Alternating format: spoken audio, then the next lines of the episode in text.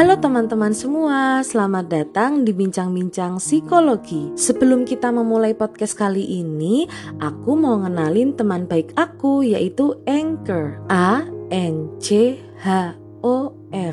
Aplikasi ini membantu kalian yang mau jadi podcaster pemula loh. Udah gampang, gratis lagi. Bisa di-download di App Store dan Play Store atau bisa diakses di www.anchor.fm.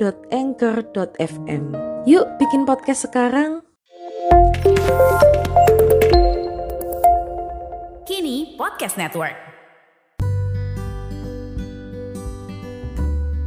Hai teman-teman semua, gimana nih kabarnya? Semoga dalam keadaan sehat ya, baik itu sehat secara fisik maupun sehat secara mental. Kembali lagi di podcast Bincang-Bincang Psikologi bareng sama aku, Dina Rulandari. Nah, kali ini tuh kita mungkin akan ngomongin topik yang agak berat nih, lagi-lagi tentang gangguan jiwa. Tapi di sini aku akan berusaha menjelaskan sejelas mungkin hingga mudah dipahami oleh teman-teman ya. Teman-teman tuh sering gak sih penasaran kenapa seseorang itu bisa sampai mengalami gangguan jiwa? Nah, sebenarnya kalau di psikologi itu yang menyebabkan seseorang mengalami gangguan jiwa itu bukanlah hanya satu faktor aja, teman-teman, bukan faktor tunggal, alias banyak faktornya, banyak sebabnya atau biasa disebut multifaktor. Jadi istilahnya Misal dalam kehidupan seseorang bukan hanya karena satu kejadian besar aja, satu kejadian besar negatif, terus dia jadi langsung mengalami gangguan jiwa. Nggak kayak gitu teman-teman. Jadi banyak faktor di hidup seseorang itu yang sangat-sangat bisa untuk mempengaruhi dia pada akhirnya dia didiagnosis gangguan jiwa oleh psikiater atau mungkin oleh psikolog klinis karena yang memiliki wewenang untuk memberikan diagnosis orang ini mengalami gangguan jiwa atau enggak dan gangguan jiwanya apa itu adalah psikiater dan psikolog klinis. Jadi buat teman-teman yang masih suka baca-baca di internet, terus baca-baca gejala suatu gangguan jiwa misalnya gangguan bipolar dan ngerasa kok gejalanya sama yang kayak aku alamin ya gitu. Teman-teman jangan langsung untuk self diagnose gitu. Ada baiknya teman-teman konsultasiin ke psikolog atau ke psikiater, ceritain hal-hal apa aja yang teman-teman alami, gejala-gejala apa aja yang teman-teman rasakan dan bilang aja kalau teman-teman curiga mungkinkah diri teman-teman ini mengalami bipolar itu sampaikan aja dan tanyakan aja ke psikiater maupun ke psikolog. Nah, balik lagi, kalau di psikologi itu percaya bahwa suatu kepribadian seseorang atau bahkan gangguan jiwa sekalipun itu terjadi karena dua faktor besar, yaitu biasa disebut kalau di psikologi itu namanya nature and nurture. Jadi, bahasa mudahnya dipengaruhi oleh faktor genetik orang itu sendiri atau biasa disebut dengan nature atau faktor lingkungan, lingkungan yang mempengaruhi orang itu atau biasa disebut dengan nurture. Jadi faktor genetik sama faktor lingkungan itu saling mempengaruhi satu sama lain, saling berinteraksi sampai mempengaruhi kondisi psikologi seseorang. Jadi bisa dibilang orang yang memiliki suatu gangguan kejiwaan itu faktor genetiknya lebih rentan mengalami gangguan jiwa dibanding orang-orang lainnya yang tidak mengalami gangguan jiwa. Aku kasih contoh nih, kalau di dalam penyakit fisik, misalnya ada orang yang sebenarnya dia itu alergi dingin. Jadi kalau dia di pagi hari, subuh-subuh atau di tempat yang dingin, itu dia langsung batuk-batuk gitu. Jadi dia itu punya genetik di mana dia lebih rentan nih sama suhu dingin gitu. Jadi dia lebih nggak tahan gitu sama suhu dingin akhirnya sampai batuk-batuk. Nah ada juga nih orang yang bisa dibilang itu lebih kuat menghadapi suhu dingin gitu lebih kebal. Secara genetik dia oke-oke aja sama suhu dingin makanya ketika subuh-subuh atau di tempat yang dingin sekalipun dia nggak akan batuk-batuk karena secara tubuh dia kuat gitu sama suhu dingin sama kayak permasalahan psikologis teman-teman. Ada orang-orang yang secara genetik itu lebih rentan mengalami yang namanya depresi. Ada seseorang yang secara genetik tidak serentan orang yang pertama tadi untuk mengalami depresi. Dan kerentanan secara biologis atau secara genetik itu juga bisa diperkuat oleh yang namanya kerentanan psikologis.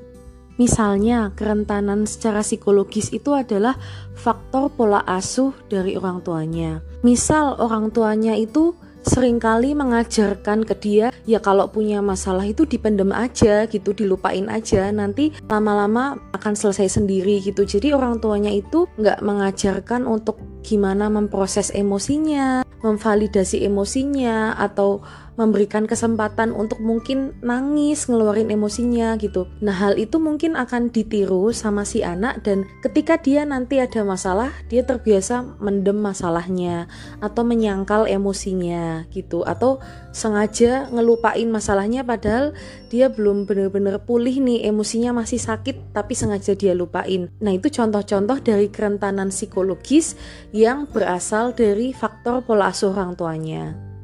Nah, kalau faktor dari lingkungan sendiri itu di psikologi dibagi jadi dua jenis teman-teman. Teman-teman sering dengar nggak sih psikolog atau mungkin di webinar-webinar itu nyebut tentang faktor protektif sama faktor resiko. Gimana tuh kak maksudnya faktor protektif sama faktor resiko? Jadi teman-teman, yang dimaksud dengan faktor protektif adalah hal-hal yang bisa melindungi si anak ini untuk tidak mengalami gangguan jiwa. Kebalikannya, faktor resiko itu justru hal-hal yang bisa membuat anak ini tuh jadi mengalami gangguan jiwa.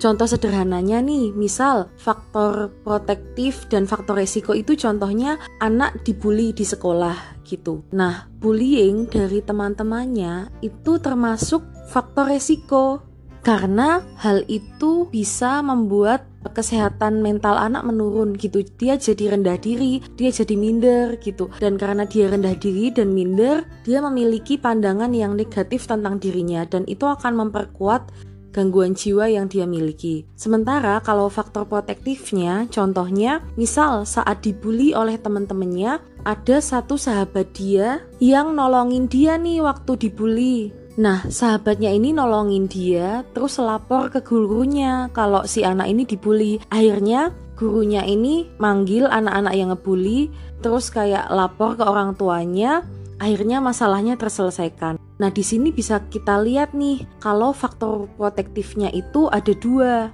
yaitu ada sahabat yang nolongin dia dan ada guru yang mendukung dia. Nah, dalam kehidupan seseorang ini kan faktor protektif sama faktor resikonya sepanjang kehidupannya itu tentu banyak ya teman-teman mungkin di satu waktu ada yang ngebantuin dia tapi mungkin di satu waktu dia juga ngalamin kejadian besar yang negatif yang itu cukup mengguncang sisi psikologis dia. Nah, kalau di hidup seseorang itu terus-menerus lebih banyak faktor risikonya daripada faktor protektifnya ditambah secara genetik, secara psikologis dia juga rentan mengalami gangguan jiwa, maka hal itulah yang bisa menyebabkan seseorang itu mengalami gangguan jiwa. Makanya mungkin kenapa ada kakak adik yang mana yang satunya kakaknya itu mengalami gangguan jiwa terus tapi adiknya itu nggak mengalami gangguan jiwa gitu padahal kan mereka lahir dari orang tua yang sama. Secara genetik mungkin mirip. Nah bisa jadi karena mungkin walaupun adiknya ini memiliki genetik mudah kena gangguan jiwa atau rentan kena gangguan jiwa tapi di sepanjang perjalanan hidup dia faktor protektifnya banyak nih. Ketika dia ngalamin masalah ada yang bantuin dia atau secara akademik dia sukses di sekolah makanya dia jadi percaya diri. Nah, itu contohnya. Sebelum kita lanjut bincang-bincang bersama, ada yang mau aku ingetin nih buat teman-teman semua. Aku rekam podcast ini pakai Anchor loh. A N C H O R. Aplikasi ini bisa kalian download di App Store dan Play Store atau bisa juga diakses di www.anchor.fm. Yuk teman-teman download Anchor sekarang gitu. Sementara mungkin kakaknya dengan genetik yang sama, dia mengalami bullying di sekolah. Waktu itu di sekolahnya nggak ada yang bisa nolongin dia gitu. Sementara mungkin karena nggak ada yang nolongin dia, gurunya nggak tahu kalau dia mengalami bullying. Karena gurunya nggak tahu, dia jadi mengalami bullying terus-menerus di sekolahnya gitu. Nah makanya akhirnya kakaknya lah yang mengalami gangguan jiwa gitu karena secara lingkungan, secara faktor protektif gitu, adiknya ini lingkungannya atau pengalaman hidupnya lebih baik gitu untuk kesehatan mentalnya. Sementara kalau di pengalaman hidup kakaknya itu jauh lebih banyak peristiwa-peristiwa yang mengguncang psikologis yang nggak tertangani sehingga bisa menyebabkan gangguan jiwa. Oh iya teman-teman, dan kita bisa melihat loh, kita bisa merunut gimana perkembangan orang itu dari kecil sampai dewasa, gimana faktor lingkungannya, apa aja yang dia alami sepanjang hidup, untuk bisa tahu kira-kira apa sih yang menyebabkan di usia dewasanya itu dia didiagnosis suatu gangguan jiwa. Jadi teman-teman bisa merunutnya dari mungkin dia waktu kecil gimana, kemudian waktu SD gimana, terus memasuki fase remaja, SMP, SMA gimana, dan waktu kuliah gimana, dan seterusnya. Teman-teman bisa melihat nih perkembangan seseorang dari waktu kecil sampai dewasa dia gimana gitu. Karena seperti yang aku bilang tadi, gangguan jiwa tuh nggak serta-merta muncul, nggak serta-merta ada satu kejadian besar dia langsung gangguan jiwa, gitu enggak. Ada banyak kejadian yang dia alami dari kecil sampai dewasa yang bisa memperparah situasi atau menyebabkan dia mengalami gangguan jiwa. Jadi, secara genetik dia juga udah rentan mengalami gangguan jiwa dan sepanjang pengalaman hidupnya dia juga mengalami banyak peristiwa yang membuat dia semakin rentan mengalami gangguan jiwa. Nah, ini aku akan kasih satu contoh kasus gimana perkembangan seseorang itu pada akhirnya bisa mengalami gangguan jiwa, didiagnosis gangguan jiwa di masa dewasanya. Jadi, katakanlah ada seseorang yang namanya A. A ini lahir di keluarga di mana ibunya didiagnosis oleh psikiater memiliki gangguan bipolar disorder.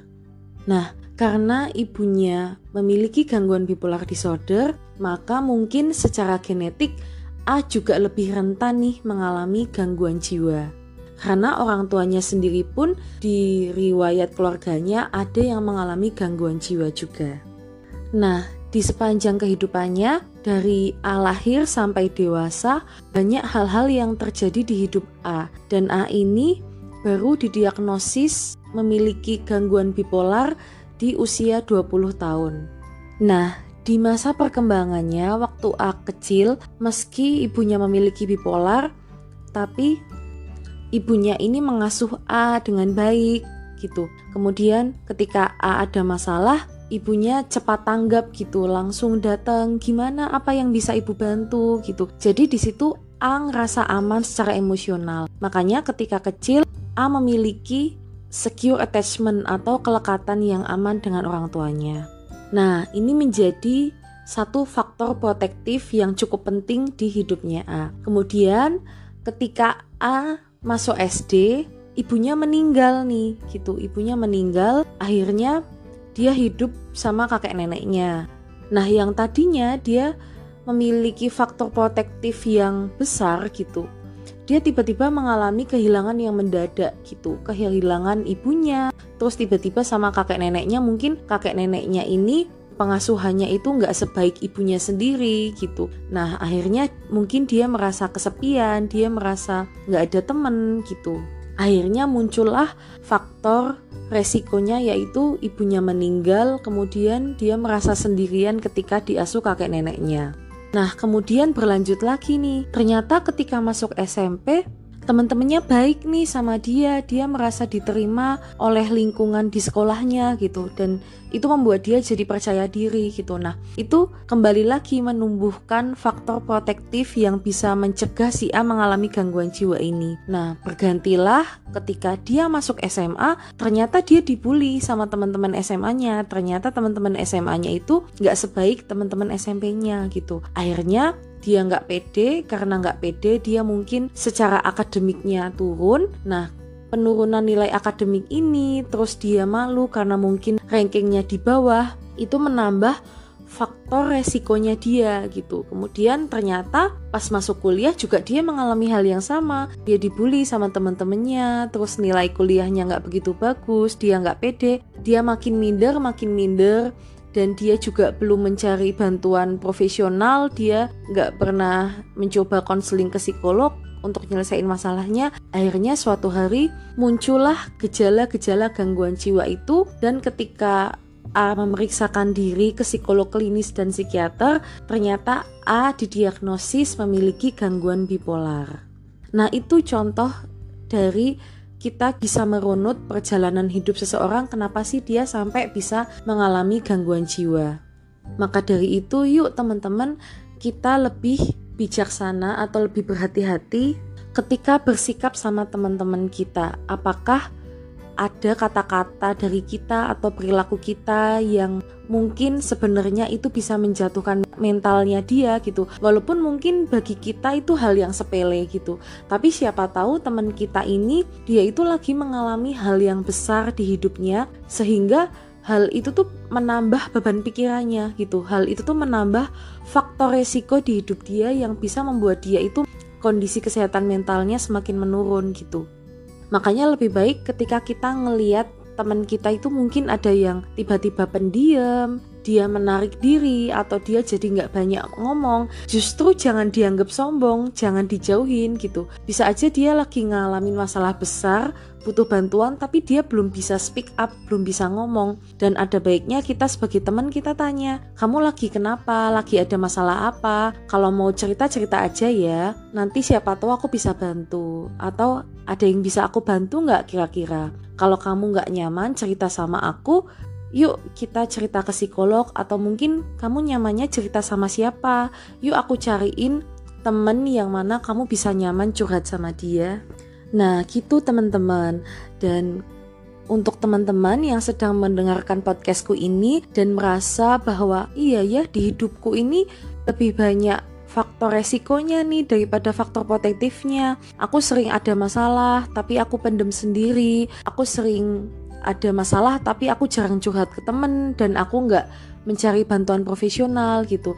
Nah mulai sekarang teman-teman setiap ada masalah usahakan kalau teman-teman merasa teman-teman tidak sanggup menyelesaikannya sendirian, teman-teman harus cari pertolongan. Baik itu mungkin awalnya curhat ke teman dulu gitu. Kalau curhat ke teman dirasa nggak membantu, ya udah teman-teman curhat ke profesional yaitu psikolog supaya nanti permasalahan teman-teman itu lebih segera tertangani dan kalau masalah-masalah di hidup teman-teman itu lebih awal tertangani maka bisa mencegah itu tadi kecenderungan atau tanda-tanda untuk bisa mengalami suatu permasalahan mental. Nah, segitu dulu aja podcastku. Semoga bisa dipahami, semoga bisa jelas diterima teman-teman dan semoga tentunya bisa bermanfaat ya.